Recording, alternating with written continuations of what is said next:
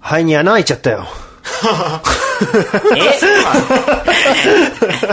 俺さ、 なんかさ、歩いてたらさ、肺が痛えなと思って、心臓が痛いと思った最初。うんうんでさ、なんだろうと思って。うんいや、結構本当にさ、その場に座り込むぐらい痛くなって、うんうんこれはやばいと思ってさ、医者に行ってさ、 レントゲン撮ってたら さ、肺に気胸って穴やつ、そう、へー肺気胸ってやつになっちゃっはていさ、はいはいでさ、それさ、なんかさ、あ、これ結構やばいんじゃないかと思って調べたらさ、通称イケメン病って書いてあった。 なんか、すげえ軽いやつ来たなと思 って。はい、というわけで、レディオレックス年末ですよ。なんでイケメン病なんですかなんかね、イケメンばかりがかかるって。 芸能人ってことそうそうそう。えでも、言うほどイケメンでもない奴らがなってて、 その名が全くふさわしくないっていうね。ー、いいの、はい、それはそれはひどい病気にかかりましてね。大丈夫なうん、なんか医者の言うことには、片肺なくなっても全然大丈夫だよって いう。なんかすごい、それも軽い感じで来られたから、なんだって思って。そうか。うん、そんな日々だ入よ院はね。しなかったの入院はしないんだけど、あしないんでいいんだなんかその穴が塞がらない場合は、3日ぐらい入院してみたいな感じだったへえうーん薬もなし薬もなし基本的には痛みに耐えるってだけらしい、なるほどうね、ん、そんなまあブルーな年末なわけなんだけ 結構病気はねどそうだね気をつけたら30超えたらやっぱ病気とね向き合わないといけないからそうだねそのうち特集もそっちの方向になってくるかもしれない健康とかねも うそう健康とか長く生きる とかそういう興味がだんだん移ってくるから、ね、30超えるとそんな中ね俺らのテンションを上げるために一人の男がやってきたんだよ、はい年末といえばのそうね去年末以来の登場そうだねねあれそうか去年末以来じゃないよね一回来てるかもねあもういいんですか 去年末ですだよね去年末うんそう今日は一回ね年に一回来てくれるスペシャルゲスストペシャルゲスト MC モニカの登場 だどうもモニカです 去年と一緒やかいやいやいやら入り方が一 緒成長してないそのトーンしかないのかっていうねやっぱちょっと1年こうやってきたから悪くなってるということでいこうかそんなの別に必要ないけどさてどうこなとんでですねか久しぶりの登場だぜ、ジレックス聞いてるみやみんな年末年末にお粗末な俺がそう登場そう登場賞状をもらいたいぐらい高めたいこの要求復旧しないなかなかメンテナンスできてない PC 上空未確認飛行物体発見 YeahMC モニカだいうわどうだ いいんだどうだこっれてでいい言んわだれてもね それはいいけどさ最近どうなのモニカさん最近最近最近平 気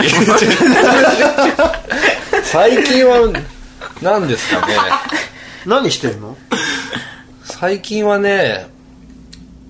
これはね何もしてない何もしてないからないんだけどなんか面白いトピックとかない面白トピックはね肺が穴開いたみたいなことでしょそんなことじゃなくてじもゃなくていいよ病気ないんだよな 病気逆に健康な気がするわあ最近、うんえどっか行ったとかもない何にもないかもしれないあそう俺何があるんだろうななんかディズニーランドに行った行かないって話だったそれはだってもう行か行か行くことになるんだから ただディズニーランドはもうねこれでもな聞いてる人は好きな人多いんじゃないの嫌いな人ってあんまいないじゃんあそっか俺ディズニーランドはねやっぱりあれは本当にドーピングだと思ってるからあ日常が、んあれでしょ全くリアルが充実してない人たちのためやのつがあの収められる豚箱最終的に舞浜のあの端に寄せられるっていう収容され収る容所だからああなるほどねと思ってんだけどだからもう俺は怖いなと思って最後もしかしたらあそこにねすごいガスがね充満してディズニーの思想が終わるんじゃないかとみんな楽しくっていうかあのハーメルの笛吹きみたいなあことになって終わるんじゃないかって俺はちょっと思っちゃったそのぐらいみんな楽しそうだから疑問はないのかねとまあ来てる人があるわけないんだけどはいはいはいそうーサティアン感があるよねそうサティアン感がでも さ何でもそうなんだと思って行ったら、都合いいわけじゃんなんかそういうアイドルもさその人楽しい人はいいんだけど、そんなこと言っちゃいけないなと思って帰って いけないなと思ってそう五反田に帰ってきた時の落さんのね 凄さね同じネオンでもこんな違うかねっていう五反田のネオンが突き刺さるわけよ窓を開けたらラブホテルみたいなああみたいな感じでそういうねそういうことにいちいちね思ってます、私はユタは静かに病んでいってるぞとそうビデオはどうなんですかビデオはビデオは録音しましてうんそれを録音したはいいかどうしよう かとどうしてみようかって感じでビデオはねでもあのちょっとねちょっと話題になってましたよねえあの前もうね冷たいやつでね某事件のああそうまああれね俺,、まあ、俺あの人には会ってないから、X ビデオさんには会ってないから何も思うことはないんだけど一番ちょっと面白いのが多分ねああれであれでってことないんだけどあの期間全く関係ないライブハウスから3回ぐらいお誘いが来たのあー四谷なんとかとかみたいな それこのタイミングでいきなりなんかさ誘いってあんまな考えらんないのよみなんか見たんじゃないかな、まあそれ経由で知ったってそことうですそれで見て 音楽やってるのがなんかバンドっぽい調べてきたのかしかもあの今のホームページじゃなくて昔のホームページから来てるからその辺のなんかコンタクト取る気がない感じとかも含めてまあでもね世の中怖いから皆さんねそうですね 神田君がップ異ロードは星人を見るように全然わかんないえ あそうなんだよね、あのーあ知らないんだよねそうあそうあのなんだっけ池永、池永池永いいいか言わない方がいいのかなこれいいか言っちゃあれだよねあの三鷹でそう見たあ事件があありあったねはいはいそうそうそあうの子がさ主演した映画があふっんわたりよ聞いあはいはいそれの主題歌とかあそうそう主題はいはいは歌いそれこそ潜水君と作ったのよはいはいあの前共同いた時にはいそうですねそうでそれその子がああいうなんか流出され、うんストーカー殺人され、うんうん今となっちゃまあさあんま関係ないってことないんだけ どある種黒歴史になったっていうまあとりあえずプロじゃなくてよかったっていう感 じで絶対なんならあれだよねあのフリーダウンロードするなら今だって感じそうかそういうそういうことか売名商売なのかそうだよなんかそれっぽいちょっとあの痛ましい気持ちになりましてとかツイートしていやあの頃のまあ相当ひどいやつだけど 最低最低だよね久しぶりにその当時の曲を思い出して聞きたらあの時の情景が浮かびましたとか言って俺会ってないんだよなって 撮影とか立ち会ってないからなるほどな怖かったちなみに神田君は最近何やってんの最近はねいや俺も特に何もやってないんだけどなんだろうこの何にもやってない人たち4人組って いうのはなんだろうな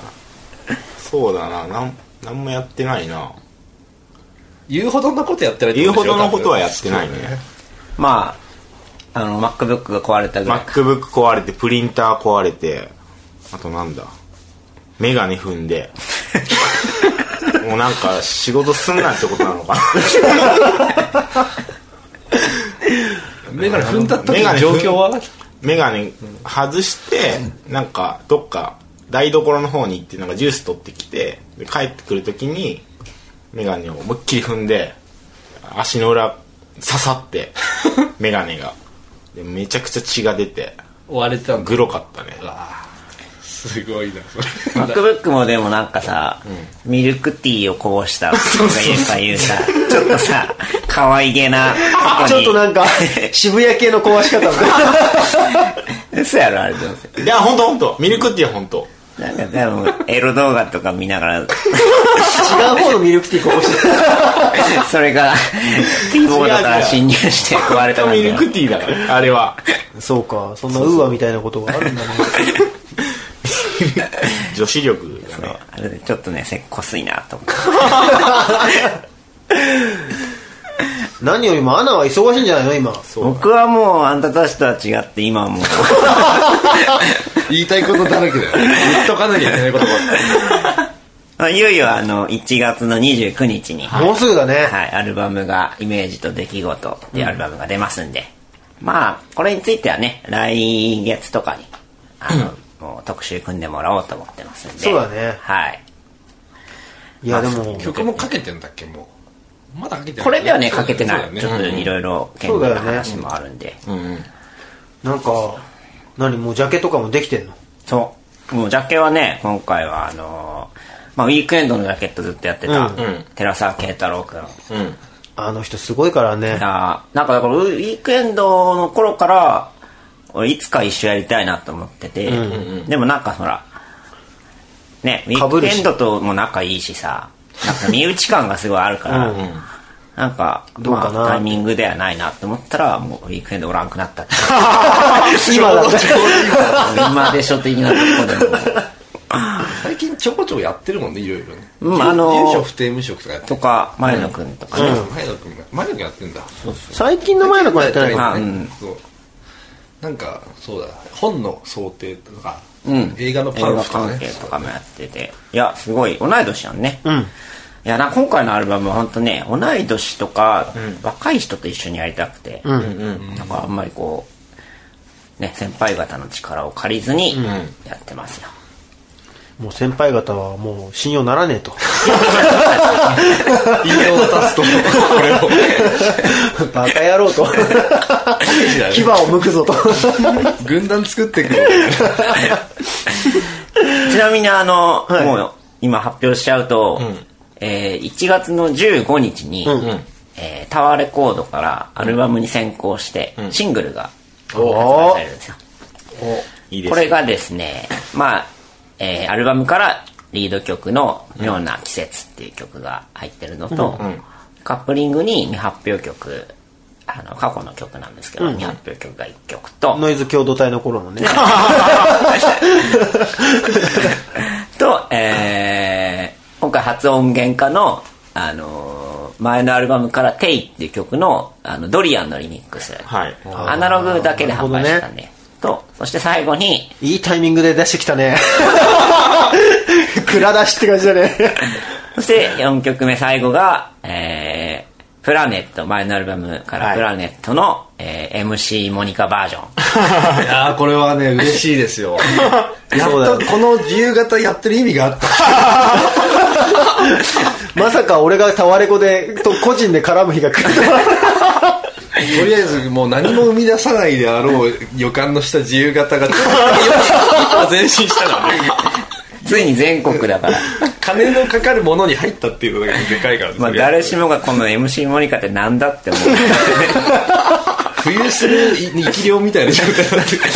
ある意味そ のそのシングルの中ではドリアン君と並列ってことでしょ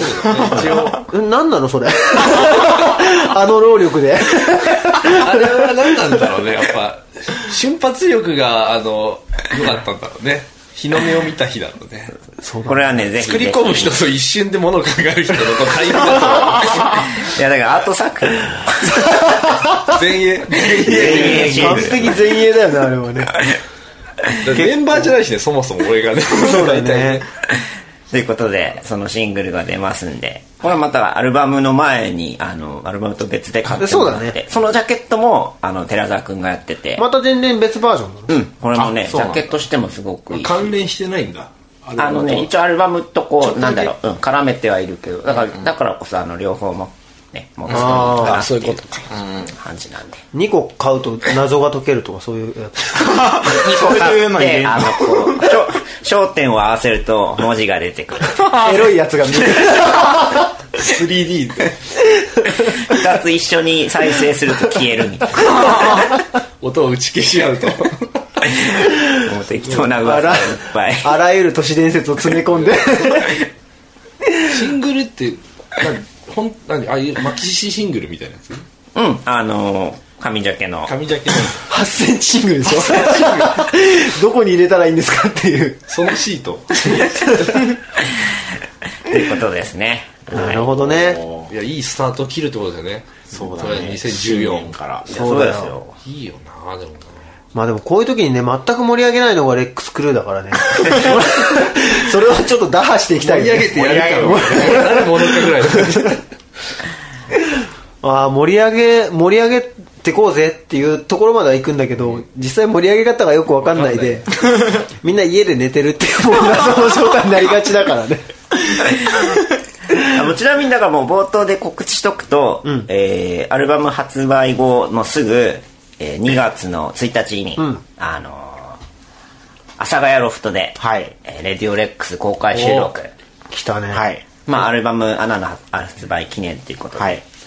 一応、名目はあれでしょアコースティックライブってこと。あのライブもやりますアナの、えー一応パトロールっていうイベントの一環として、はいはいミニパトロールっていう阿佐ヶ谷ロフトでえー深夜なるほどねですけども2月1日にやりますん でまあこのメンバーはこう僕も来ますからはい勢揃いなんで大阪行けなかったけどこれついにリア ル、オールナイト。兄さんが 俺ねあ、それいいね。オールナイト阿佐ヶ 谷。レディオレックス。初これは本当ぜひ来てほしいですね、そうだね。なんか結構さ、あの、大阪の時とかやっぱリアクションがあって嬉しかったもんね。ねうんすごいこんね。なリスナーいいんだっていう、うんそう見えないリスナーがやっと見えた感じがしそう。で、しかもそこで俺らがちょっともう安心して台本とかを作らなくなるっていう、も う、逆効果のパターたみんな聞いてくれるっていうン。 そうだね。みんな聞いてくれてるからいっかっていう。なんか ダメ人間の集まりですけど。さあそんな感じなんだよね、そうだね。じゃあまあ、今年最後うんそうだね、最後だ最高だじゃあ最後のタイトルコールいきますか。はいはいじゃあアナ大久保とサブカルチャー潜水のレディオレックス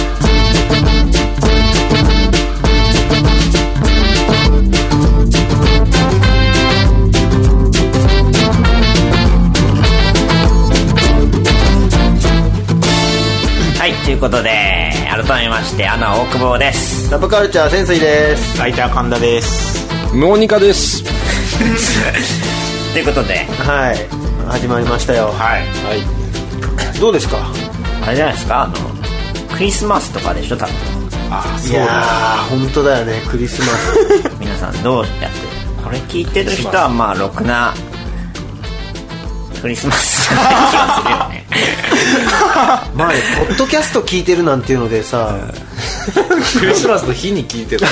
やばいよねなんか、ポッドキャストとかね、ラジオとか好きでさ、まともにクリスマス過ごすなんてちょっとこう、嫌だよね。 イルミネーションとか見に行かないでしょいや、まもうだ、人と集まる気がないもんね最初からねいや、興味一個もないからね、本当にあそう。かクリスマスに関しての。あない先生ないなくないクリスマスなの。あそうか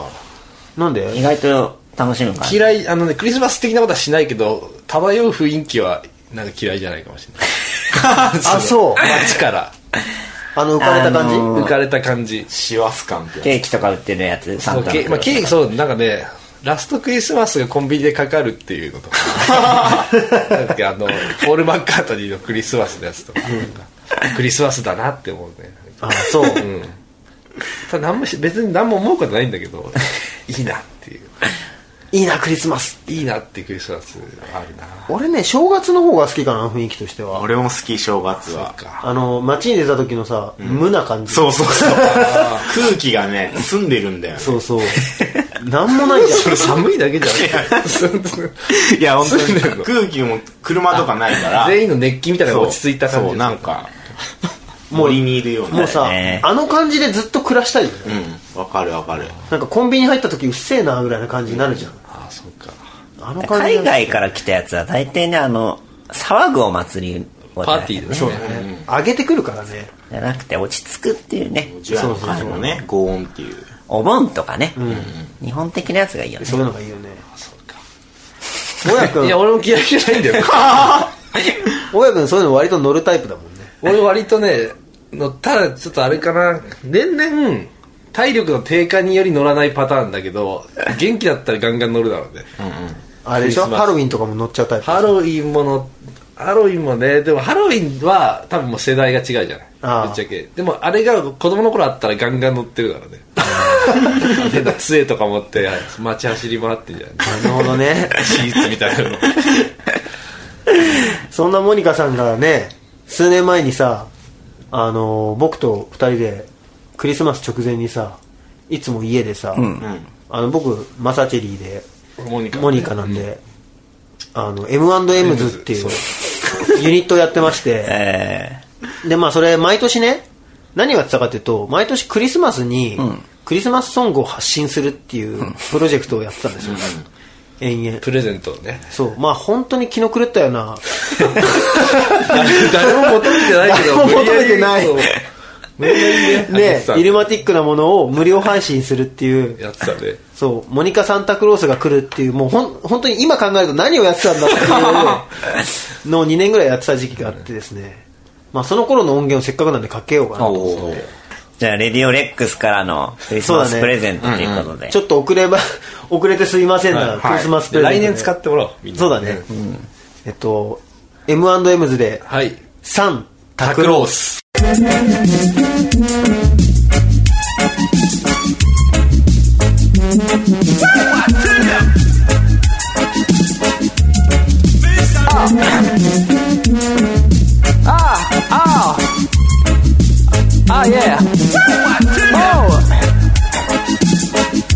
はい聖なる夜と母なる大地モーゼが出てきて海が割れるそこから出てきた赤白おじさんでっかい荷物にトナカイさん靴下ある家電飾ある家煙突ある家めがけて突進ベルが鳴ったら窓開けて心のドアもほら開けて寝る子は良い子育ちの良い子世界の平和はみんなで作ろうこれが世界の合言葉手を取り合ったら Here we go 太陽さんさんサンタクロースお疲れさんさんサンタクロース太陽さんさんサンタクロースお疲れさんさんサンタクロース太陽さんさんサンタクロースお疲れさんさんサンタクロース太陽さんさんサンタクロースお疲れさんさん Here we go プレゼントだよほらプレゼント持ってきたよ待ちかねのプレゼントだよプレゼント持ってきたよアナ大久保とサブカルチャー先生の、レディオレックスパサパサの髪がツヤツヤなラジオ聞い てねどこよりも早い東京オリンピック特集というわけで、はい。今回、レディオレックスではですね、はい。スポーツに全く知識のない4人が集まって ですね、身の回りでも特にスポーツに全く興味のない4人が集まって、どこよりも早いスポーツ特集ですよ。はい。はい。東京オリンピックでおもてなしするぞ っていう。おもてなしもうそういうワードしか知らない。ワードと滝川クリステルしか知らないっていう感じですよ。そうだねじゃあ、大谷はい君、オリンピックの思い出話してくれよ。オリンピックの思い出はもう、オリンピックの思い出。親くんもあれなんか、あんまり全然スポーツ感。俺はね、俺、そう、スポーツ、そう、やって、やってたけど、なんかね、オリンでもピック、さっきのクリスマス的な話で言うとさ、結構乗っかろうかなって感オじ。リンピックはね、やっぱね、なんかね、好きじゃないんだよね。オリンピックとワールドカップがさ、好きじゃなくてさ。あ ああ、なるほどね。かつてさ、まあそうねウィークエンドの頃さなんかねあるバあるバーでライブだったのよ、でライブの日にその日がちょうどワールドカップの日で、あじゃあワールドカップだけはみんな見ようぜって音止めて さなんかその人たち見てた唯一見てなかったのがそのメンバー俺ら3人だけで 飲み行こうぜみ外た出いよなう。ですってそれでその呼んでくれた人 にさ「ワールドカップ好きなんですね」とか言ったら「お前日本人じゃねえのかお前」とか言 われて「みんな好きだろ」とか言って「普通見えだろこれ」とか言われ て「あもう俺らここにいちゃいけないんだ」 中目黒の街をフラフラしたしたね。 そのぐらいもうねああいうの乗ってけないのよあ、わかるね。俺も、何がとかじゃないんだけどさ何なんだろうね、ワールドカップとかね、オリンピックって。全然興味ないなもういきなり全然特集の割に乗ってないっていうこじゃあ特集すんなったな。 と。いや、もう、やっぱさ、どこよりも早くやるっていうのがやっぱ重要なのかなと。そうそう。まあ、あの、ね、レックス的なそ視うだね線で楽しみましょうっていうことで。そうだね。でも、ライター的にはさ、オリンピック需要はあるんじゃないのいやー、どうなのかな。あでも、そうだね。結構、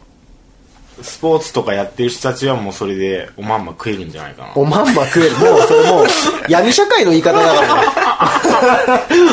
お茶方面のはないんいじゃやない二かな。宮清純とかいう 人そうそう、その辺の人とか、スポーツライターの人たちはさ、もう密着できるんだよ、日本だから。ん大体海外に行くのももう最近雑誌も不況で予算がなくなってるから、うんうん。結構限られた人しか行け行けないんだけど、んまあ、日本だったら結構みんなね、 そうだね。密着できるから、結構需要あるんじゃないかな。有名人来るんだもんね、そうだね。カルチャー的には何もないんじゃないかな。いや、こんな時にね、お便りが来てるんですよ。おありがとカルチャー方面の話ができそうなやつが。ほうほうえーっと、はじめま して、オリンポスの神々と申します。 オリンピックだから神な々様から 神様から。神様からでもえーっと、オリンピックの開会式では、誰が歌うかが気になっています。長野オリンピックの時は、V6 が輪になって歌おう歌うという、う。何やって踊ろう。 地獄絵図だったので、 それは下げてほしいなって思っています。日本人の恥です。 無難に坂本隆一さんとかに決まりそうですが、安牌すぎてそれはそれで嫌です。個人的にはモニカさんの君が代読書を望んでいます。 頑張んないとねこれから成り上がんないとお三方は誰でしたら納得しますかご意見をお聞かせください。最後に寒くなってまいりましたので、お体ご自愛ください。それではって書いてありますありねが。とうございます。ありがとうございます。そうだね。開会式とか結構カルチャー寄りのことがさ、そうだね。 あそこだけだよねこれは唯一唯一楽しめるよね。そうだね。あれ、誰が歌うんだろうね。誰だろうねビーズビーズが独唱ってあるのかな稲葉な7ん年だろう後ねですからね、7年後。何、ね、7年やったらなんか、わかんないよね、ほんと予想つかないよね。いや、俺結構浮かぶのはさ、ビーズとさ、あとさ、布袋が さ、君が代を、やりそうだね。 布袋がさ、君が代を弾くっていう、あの、地味編みたい に。わーわーわーっつってさ、固定はでも、 なんかありそうよね。 ありそうだよね。だってさ、ギタリストってさ、日本ってあんま出てこんやん。うん。そうね。あそうだねチャーぐらいだよ。時代がすごい古い もう出た後だからね今そうだね。海外にも訴えかけるのは布袋とタク松本あ、タク松本ね。タク松本いや、ビーズだから完璧なんじゃないそっか誰だろうね。あとは演歌方面。ああ、演歌ね。サブちゃん。サブちゃんやだよサブちゃんやサブちゃんの祭りじゃ ないでもだってほら、前の東京オリンピックは、南南春でしょあそうなんだうんあまあこれそう時代だもんねこんにちはこれ考えるこんにとちはさうん。日本人が誰でも納得できる人じゃなきゃいけないんだよねあれ、万博じゃん。あ、こんにちはは万博か。だよね。万博かうん、多分。まあでも、いや、オリンピックも違う。南春夫だあ、。そうなんだ。だからね、演歌っていうのはまあ、わかりやすい。俺さ、でも、アンダーワールドのノリで電気グルーブってあると思うんだよ ね。だってほら、もうさ、世界じゃん。でさ、さすがにさ、ここで利権でさ、ジャニーズってことねえと思うんだ。まあそうだね理系は使えないねでしょでもまあ前回 V6 っていうさ、そうだね。ことじゃん音電気グルーブでズサブちゃんビーズが歌ってバックでエグザイルが踊る んだよ肉体肉体的なあ、エグザイルとかありそうだね。ぜエグザイル何かしら絡みそうだよエねグザイルでだってなんかね、ファミリーマートの垂れ幕とか。かに出てきそう 頑張れ日本的な方向で俺、初に肉やってほしいな。それだと日本のね。あそれで日も本頑張ったねもう7年後、頑張ったであそっ年か。くじゃない気がするな。もっと良くなってどる。こが仕切ってるかだよねうん。誰仕切ってる人が誰かによって変わっちゃうよねだからなんか、サブカル方面でありそうなのは、前大久保君も言ってたけど、コーネリアスだよね。あ小山田圭吾音さ作りそう。そうだね。んがなんかこうさ今ほら NHK とかにも食い込んでいってるからあさ、そうだねか。その辺なんじゃないのそうかもね。モニカは行かないの立候補はしないの一応俺も、だオーディション的なのがあるなら行 くけど。オーディション制で通るとは思えないから。どうだろうね。デモテープ作ってデモテープ作って。オリンピックで歌いたいためだけに動くプロジェクト。ああなんか直人インティライミとかに決まったらもう最悪 だねきついねなんだろうでもなんか日本ってさそういうのやっちゃいがちじゃんやっちゃいがちだよね。いや絶対もう恥かくよあんな癒着だ癒着だよね。あのさほらアンダーワールドが出たとかさ、向こうでどういう扱いなんだろうねアンダーワールドって立ち位置的でにもそのイギリスは基本そのほらテクノがもうなんやろメインカルチャーみたいな文化の一つやけんか、でそれ考えるとやっぱ演歌とかがいいとは思うけど7年後どれが一番納得いく文化になってるかって いそうだのかなね結局そのねなんだろう初音ミックとかさ、結構そういうものってこう寿命短くコロコロ変わるけんさ、よりはこう、ね、普遍的なそうやる側の大人たちの世代が理解できないとさ、採用されなそうじゃない、初音ミクとかも、そうだねそれから初音ミクっていうやつ本当に育てちゃうっていうね生のや つ今から7年 育て芦田愛菜ちゃんみたいなのが出てきて7年後に 初音ミク初音ミクちゃんもしくはあのデジタルサブちゃんみたいなねサブちゃんのなんかロボットバージョンみたいなあの歴史をこう新しいやつにする、なるほどねあの美空ひまりのさ 3D みたいなやつがあるじゃんあそういうのいいよね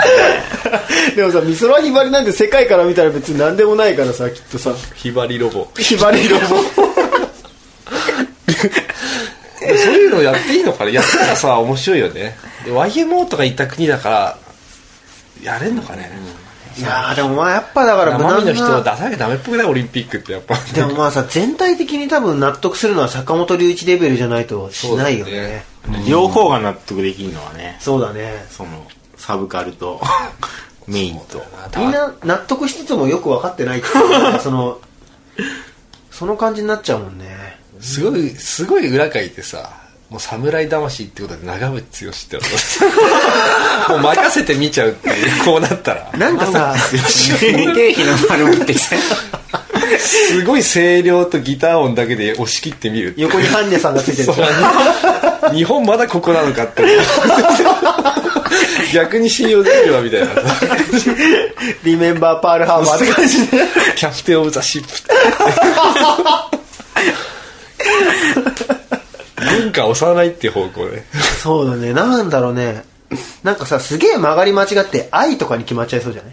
あ、でもそういうのリアルだよね。結構リアルだよねうんだからどっかの局の応援ソングみたいなのでありえるじゃんそうそそうそうういうのそっなんかあれだよねあと安室ちゃんとかねああか安室ちゃんもねアジアの歌姫だからさはいはいはいあれやっぱでも一回世界に出てるであろう人が採用されてんだよねそうだね大体どうなんだろう南春夫って出てたの世界 にでもさほら日本の症状感あったじゃん亡くなってたのかもしれないけどさ坂本九さんとかさあだったらさきっとほら、そうだ世ね界的にもまあ納得はできる感じだったと思うけどさ出てないっていうのがさかなんかそのだから南春夫で納得したのかね当時の若者たちはダッセーと思ったのかなそれともなんかもうそれはそれで認めるそれはそれで応援きる認めたんじゃないなんかそそういう文化のなんか断絶はないような気するよねないよ60ね年代とかなんだろう桑田佳祐とレイ・チャールズみたいな感じでさあーそういうことだ 3D もんねレイ・チャールズでさ 3D レンチャーズ 外人出しちゃってって愛しのエリーをねなんかねそうだね神田君的には誰が来そうな気がするのなんか僕的にはやっぱ一番あれだね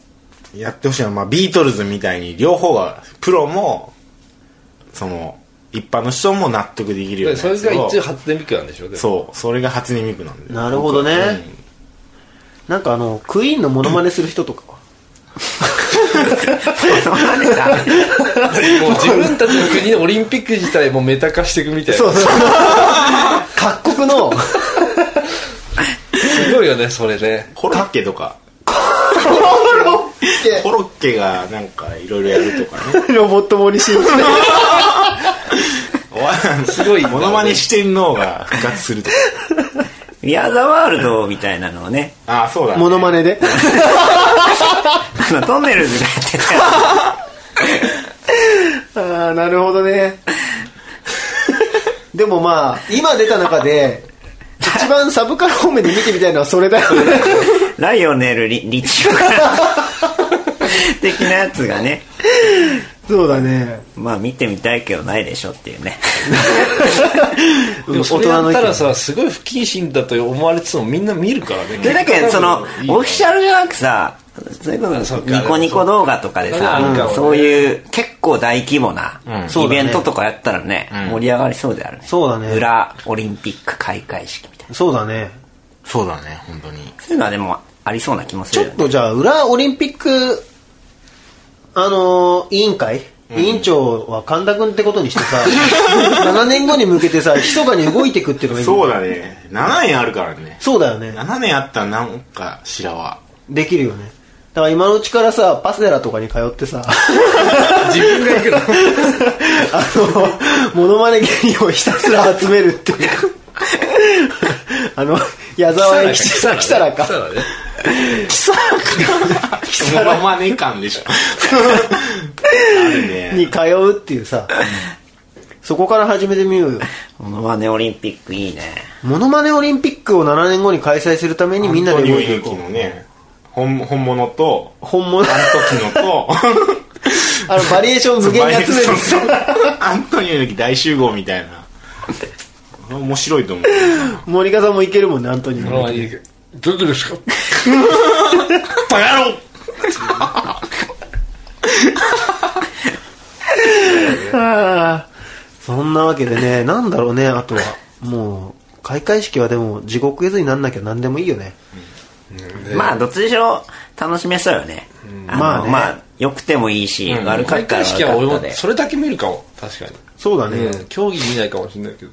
いやでも電気グループは俺あると思うなだってさ滝とかさあれだぜあの映画賞とか撮ってるじゃん最近ねアマチュアも出てるしね。えもう国民のになってきてるからさあの、富士山とかね。ねえ富士山ってやった ら、士山やわかりやすいよね。わかりやすいね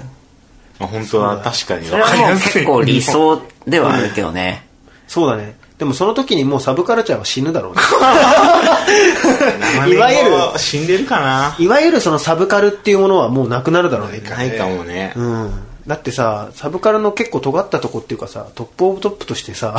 君臨した人がさ、うん国を代表してさそうそう裏返った感じでしょ、うん、だってほらワールドカップの公式ソングも卓球やったりしてたじゃん、あそうなんだ、あそっかだからなんかえでえあれでもも日本のでしょそうそうそうそうだよねでもまあってことはありえるってことじゃんあそっかチョイスには入ってるもんねなるほどなたけしっていうのはないのかなたけしやるんじゃないたけしと村上春樹とかなんかいっぱい呼んで世界で名前が知れてる人あでもね、演出総監督、たけしとか ね。ああいいあねたけしがでもなんか歌ったらやばいだろうねなんかすげえ嫌なとこでコマネチとか入れてき そう開会委員長からの挨拶と かあのハンマーでさそしたら爆発したりね。そうそうそう殿殿後ろ議題言うと こみたいな言うお笑いウルトラクイズいいなぁ。って感じはあるかもしれないねたけしなるほどね知事選ねそのまんま東が当選した らそうだねたけしとのそうだねそれそうだねそうだねその当時にやってる人が東国原だったらやばいねもうたけし癒着あるから、そね、うそうそうなるほこどうなんなかなるんじゃないのかな浅草キッドとか歌ってほしいな閉会式で煮込みしかない浅草をしていく感じ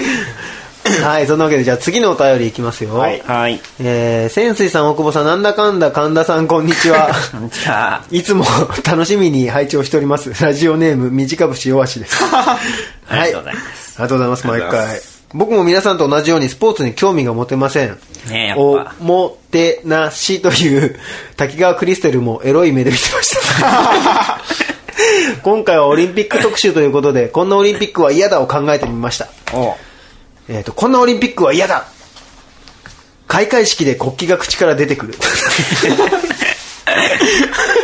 じゃあここモニカさんで言ってみよう か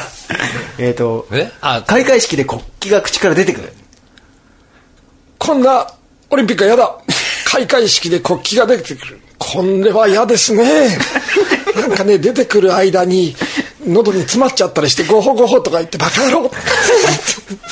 いや僕が読み上げるのでその後コメンあトそをうかそういうことかそういうことかこれについて話すんだ、はい競歩の選手がオカマばかり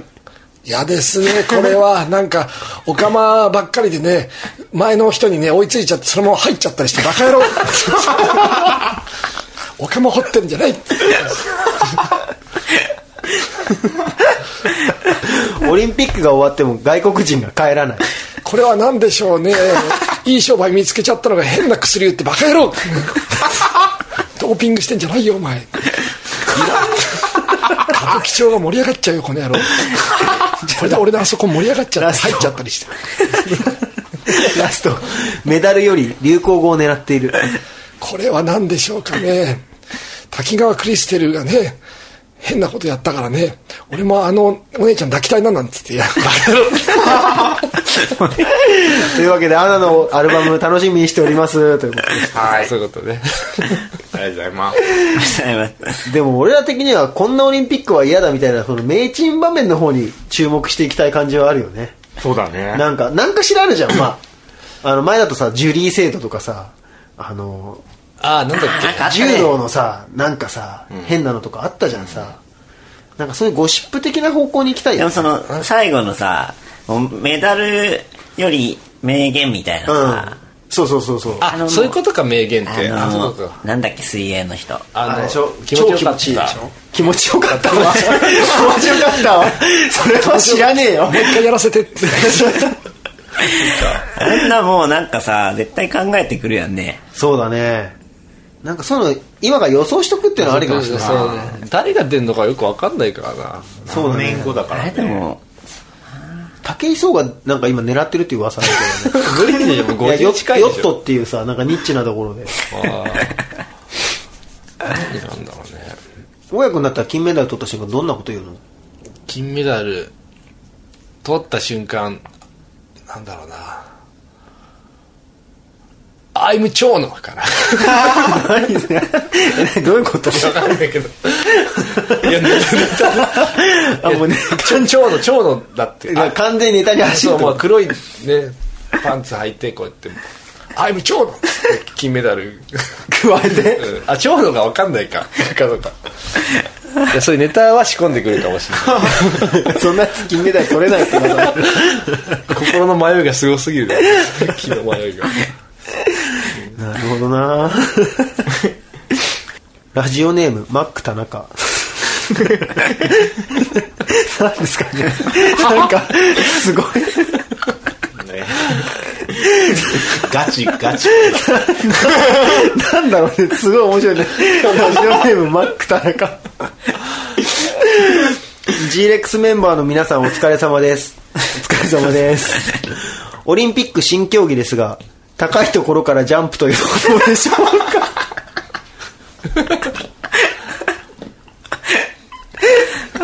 何があるかわからない緊急事態に備え高所から着地できるのが大切な時 代もうわかんない足が痛くてもう飛べないと判断した場合自己申告でリタイアそこまでの高さを競い合いますかって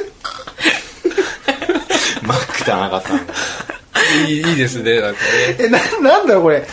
高いところから飛び降りるってだけなのかなでもあそっかそこだからその回転したりして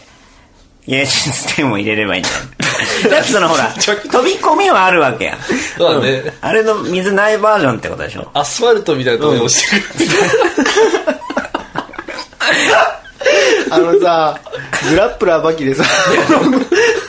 あのすっごいさヘリの上から飛び降りても大丈夫なさ、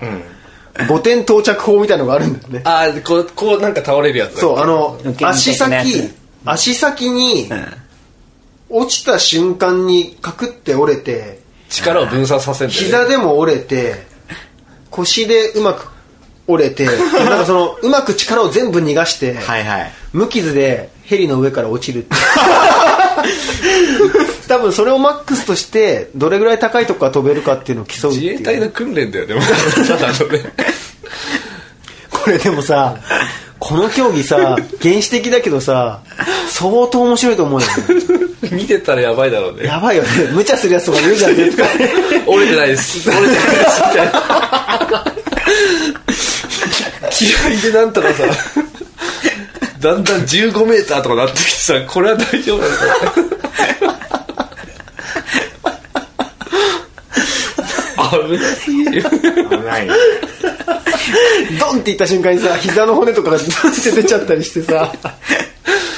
一瞬でそうだって落ちた瞬間はクローズアップできないんだそうそうそうさあどうなったでしょうかねってめちゃくちゃ引きの絵からだんだん寄ってく声だけ聞こえる。 10秒ぐらいでカウント内に立ち上がんないとダメみたいな立ち上がりましたました大丈夫ですまだ次行けますこれくだらねえ危なすぎるまあでももうダメでしょうねこれ危なすぎる危ない危ない1年で終わりだねこれはひどいねじゃあ次行ってみましょうかはいはい皆さんこんにちはラジオネームくるむ伊達君太郎です ため息ばっかりの人ですねはいえっ、と新競技を考えました、はいアイスホッケーはスケートとホッケーシンクロは水泳と新体操というふうに混合競技という考えでやるのがいいと思います、例えばやり投げ棒高跳び対面飛びでそのままどういう片手がやりなのかな片手棒でやりなのかな例えばじゃねえよこれはこれは棒高跳びの頂点でその棒をエイッと投げてその距離を競います一回こう棒を使ってなった瞬間片方からかけられるから回転させるのかね これはでもやってる姿がコミカルすぎるよねすごい危ない競技だよねそしたらこう、こう、高跳びの高さも競うわけでしょ。高さと距離ってこと。同時 そのなんか連携の総合点みたいな感じだよ高く、棒も、ほ、ほう。棒をそんな飛ばないから地味な競技にな跳るねるだけで。そんな3メートルぐらいしか飛ばないそれでもでもな投げる瞬間の力学的なものは分かんない だから、飛べない、高く飛べなくても、距離で稼ぐやつとか、そのそうだよねその棒自体投げるんでしょ高さのこう、やってしなって上行った瞬間何離さないわけその棒をそれを、えいってやっちゃう。すごいくないそれいやーすごいよでもう一つアイスハンマー投げ水氷上でくるくる回ってハンマーを投げます 皆様良いお年をお 過ごしくださいだってこれだから相性あの全然それ多分つるつる滑って踏ん張り効かないんじゃないそんな飛んでいかないでし ょあの漫画みたいにずっと止まんないやつでもなんか棒高跳びって考えるちょっといろいろ新しいのも可能性あるような気がしてきただ例えば、今から棒高跳びなくて棒高跳び追加しますって言ったら追加する棒でいやいや棒でさ飛んでさしないねしないよねいや、結な構いね、無理な競技いっぱいあるよね。だってほんとその、それ書いてあるようなさ、何 その、アイスホッケーとか、まあわかるけど、水球とかさ、あんまりいらないしくないかってもう、それ水の中で、そうだよねでもていうさ棒高棒高跳びとかをさリアルに想像するとさ何そのルールって思うよね、なんか棒持ってきて棒で飛ぶって何なのそんな日常でそんなシーンないでしそょのやり投げ、ハンマー投げ、砲丸投げ、あれやっぱなんか、その、何イギリス、あ、じゃあギリシャとかのなんか城を落とすみたいな時使多った分のそかの強さの象徴だったのハはンマ分かー投るげけてたど の昔じゃん。いやだから鉄球とかでさあれじゃないあの城壁にいる人あとそかをうか倒したりしてたの城壁自体も 壊して壊してどとんどかんみたいなはいでもさそんな中さ棒で侵入すんそんのなそう棒でさやばいよねそれそういうのあったのかなあれマジしでなるからいいけど当時のやつ折れちゃうんじゃないなんかそれそれで使用して帰ってくるとかあるんじゃないそう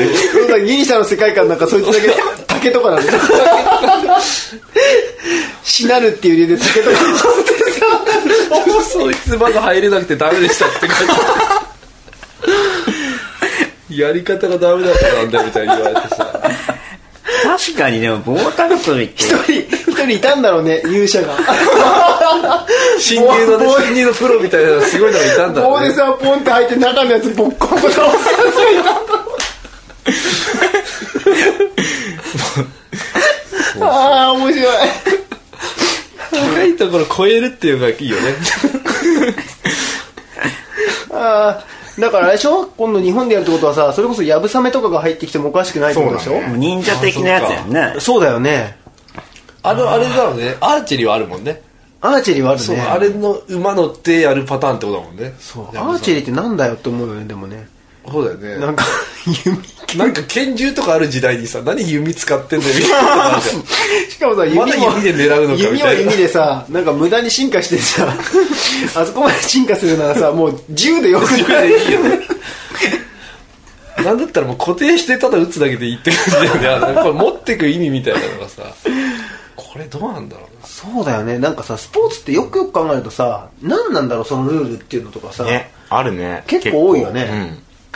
なんか視点を変えたらだから何でもスポーツっちゃスポーツになるのかもしれないよね期限がどこにあるのかわかんないよねわかんないよね戦争とかなのかな、やっぱ戦争代理戦争だよやっぱ、そうだ代理戦争だからそうでいいんオリだンピック戦争なんだねあれ国同士の戦争国同士 だよそうだだよねってもっと言ったら別に国背負う必要一個もないじゃんあれそうだねなんか個人で強いやつ出てきてさ、なんか K1 みたいになってきゃいいじゃん別そうだによねだけどもうあれだよ最終的にはその何あの異種格闘技みたいにさ、はい、あの棒高跳び対やり投げみたいな棒高跳びで飛んでるやつを槍で危なすぎ るじゃんいや棒高跳びのやつ振りすぎるじゃんこ れやりすぎるやついつでも待ってていいんでしょだってそれだからさあれじゃないなんかこうそう考えていくとさ今の戦争の武器とかが、うんそのまま競技になっていく可能性あるってことそうだねだからあーあの飛行機で競うみたいなはいはいはいはいはいジェット機でさ、美しさを競う飛び方するみたいなさアシンクロみたいにこうにそうそうそうああるよねあじゃあそんなわけで、はいはいどこよりも早い東京オリンピック大特集でございましたアナ大久保とサブカルチャー先生のレディオレッスこのラジオを聞いたらウエストが5センチくびれたシリーズ MC モニカの自由形スペシャル今回は MC モニカの自由形スペシャルはいオリンピック特集にちなみましておいどこよりも早いオリンピック非公式ソングをはいちょっと今回はね、まあ、自由形もこんだけやってきたらそろそろオリンピック立っていいんじゃないかと 夢見てもいいんじゃないかとということでちょっとね歌い上げますのではいオリンピック公式、非例公によっ式ソングてをフリースタイルでフリースタイルでそうですね世界の平和を願ってやらせていただきますん でそ世界の平和を願うの っういうことじゃないねてなわけで僕らもねまだね今全然聞いてないし聞いてないっていうか今からそう、これから起きるドラマを。ある意味スポーツだもんね。そうですスポーツですから瞬発力とね。はいそうですそうですもうそうだよね自分との戦いそうだよね。もうそのルールは関係ないと。そう孤独なマラソンと一緒ですから 短距離走とか一緒ですからはいじゃあやでっすねていってますか今のコンディション的にはどうですかモニカ選手今。週いいいいですねちょっとなんかいいって感じがします 何それ名言残そうとしてる。 なんかいいなっていうゾーンに入ってます ゾーンに入れましたんで大丈夫です、ね、じゃあ、今日は結構いい結果が残せそうですかもちろんですもうやってやりましょおじゃあそんなわけでじゃあ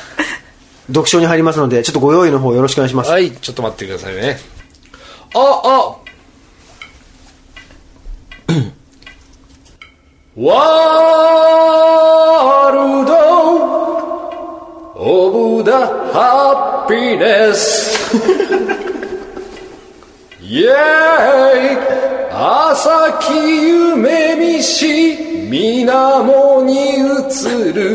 わだちを越えよ世界の輪あーサンシャイン眩しく映る市民の力今ここで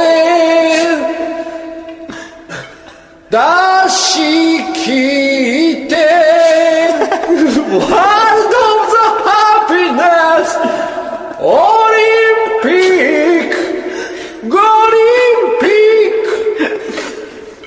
輪ピック Whoa!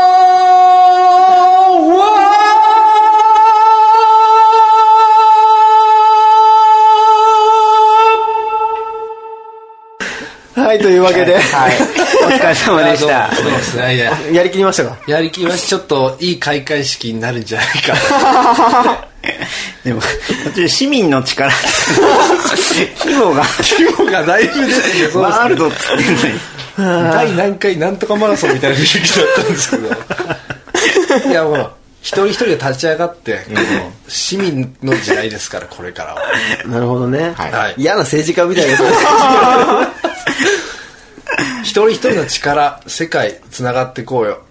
戦争なくそう平和それでいきまし ょうやっていきましょうやばいですね、はいこれもしね、聞いてる人いて、そうだななんか、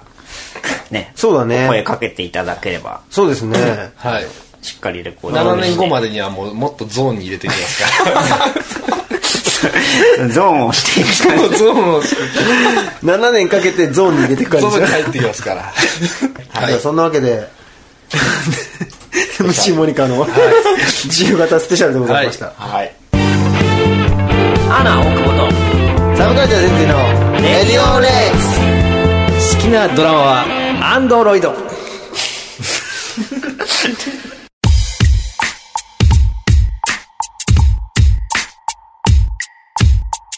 はい、ということで今月もお送りしました、レディオレックス。はい。はい、1年の締めくり、くりっていうことで。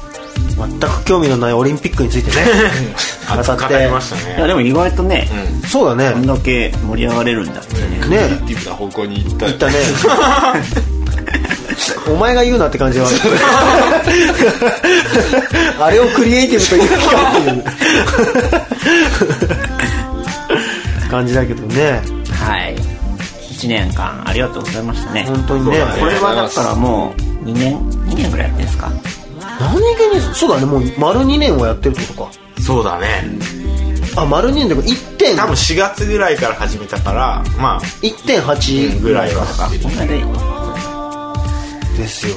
すごいねそう考えるそうと考えるとすごいねモニカさんだってじゃあもう十何そうだね20曲だよ そんなわけですね来月ははいあれですよ我らがアナのはい、アルバムが出るってことでそうですちょっとまあここはねまあ我々も重い腰をそろそろ上げよ う思いましてですねアナのアルバム大特集でございますありがとうございますはい。えっ、と今考えてるのがまあ関係者の方々をえっ、と皆様ゲストに呼んだりとかして、まあアルバムを多角的に結構真面目に語ってもらおうかなと。まあアナが唯一オフィシャルで持ってるなんだろうね番組っていうかそうだね。ここはオフィシャルなの。オフィシャルですあのホームページ のあのホームページの下の方に iTune のマイマークが入ってあるんですけど、そこをクリックすると音源が聴けると思いきやこれが聴 ける音源じゃなくてそっちを押してるなるほどなるほど。そうなので結構本当に真面目に語り尽くしますよ。まああの、ごめちゃんのアルバムが出た時もね、結構真面目にインタビューしたりしたんですけど、まあ今あんまり雑誌とかね、そういうのでなんて言うんだろう記事がガンガン載ったりとかっていう時代でもないのでなかなか語る場がないと思うんですけど、まあ、今回、あの先行して少しだけ聞かせてもらったのかな、でもまあ気合入ったアルバムなので、結構いろいろ語り尽くせるんじゃないかなとまあね言えないことも多々あるとここだったら言おうかなとあなるほどね思ってますんではいなのでまあ穴に関する質問そうです疑問ねもしくはなんでこうイメージと出来事ってなんだろうって、とかね質問とか質問とかねメッセージ何でもお送りください、大内くんと大久保くんは本当にやってないのとかもねうそういうのも何でも言えるそうそうそう答えますよ答えるはい 体で答えてくださ い体でお答えしますよ感じですねはいもしまあかしたら自由形もねそれに際してあ 穴スペシャルかもしれないですそうですねはい、穴の曲を使ってかもしれないですよ ね先生先生君よろしくね一緒に売れてや ろうと乗っかろうとしてですねはい。あの、詳しく改めてこう、あ宣伝していいですかはい1月の15日にタワーレコードから、えーシングル、妙な季節っていうのが出ます。それにはね、モニカさんも、えードリアンも参加してますので、はいはいはいで、その後1月29日に、えーアルバムイメージと出来事発売されますので、ぜひぜひ聴いてください。そうですね、あのイメージと出来事全国の ブックオフでブックオフ100円コーナーで買わない方はゲームであそこ並んだらでも売れたってことですからね。 そうですそうね最初に並べとくっていう最初からそこ行くっていう。はいはい。はいことなんで、よろしくお願いします。はい、はいなので来月はちょっと祭りですよそうですね祭りっすねそそうでしすて、その、えー、発売後、2月1日、はい深夜12時からですけども、はいえー阿佐ヶ谷のロフトで、えー、まあ、トークショーで、えー、アコースティックライブ、はいレディオレックスの公開収録はいも含めた、えー深夜イベントやりますんで、こちらも遊びに来てください。お願いしまちなみすにそちらの方は僕ね出ます勝手 に。勝手に出ます 呼ばれてもいない呼のばで れてないので阿佐ヶ谷あたりには歩いてよかっあたれ今日やってんのあ、なる行こうかな、みたい な。しらじらしく行こうかなと。ちなみにその日はあれですかねこう生自由形とかも披露するまあ、行けるでしょう。行きましょう。大阪の時はちょっとできなかったんで、今回は阿佐ヶ谷の時はもそうですねもしかしてゴメス君とかが来てるったら、まあビートはゴメス君で自由形ってう、いうの夕が方ああるったんです。まあでも、ごめちゃんいたらごめちゃんにやられちゃう 可能性あるけどねあっちはちゃんとしてるから、正当派だから。そうだねはい。じゃあ、1年間、ありがとうございました。ありがとうありがごとうございまざいまししたありがたとうございます。じゃあ、来年も。みんなでじゃあせーのでいきせまーすのかではいせーのお疲れっす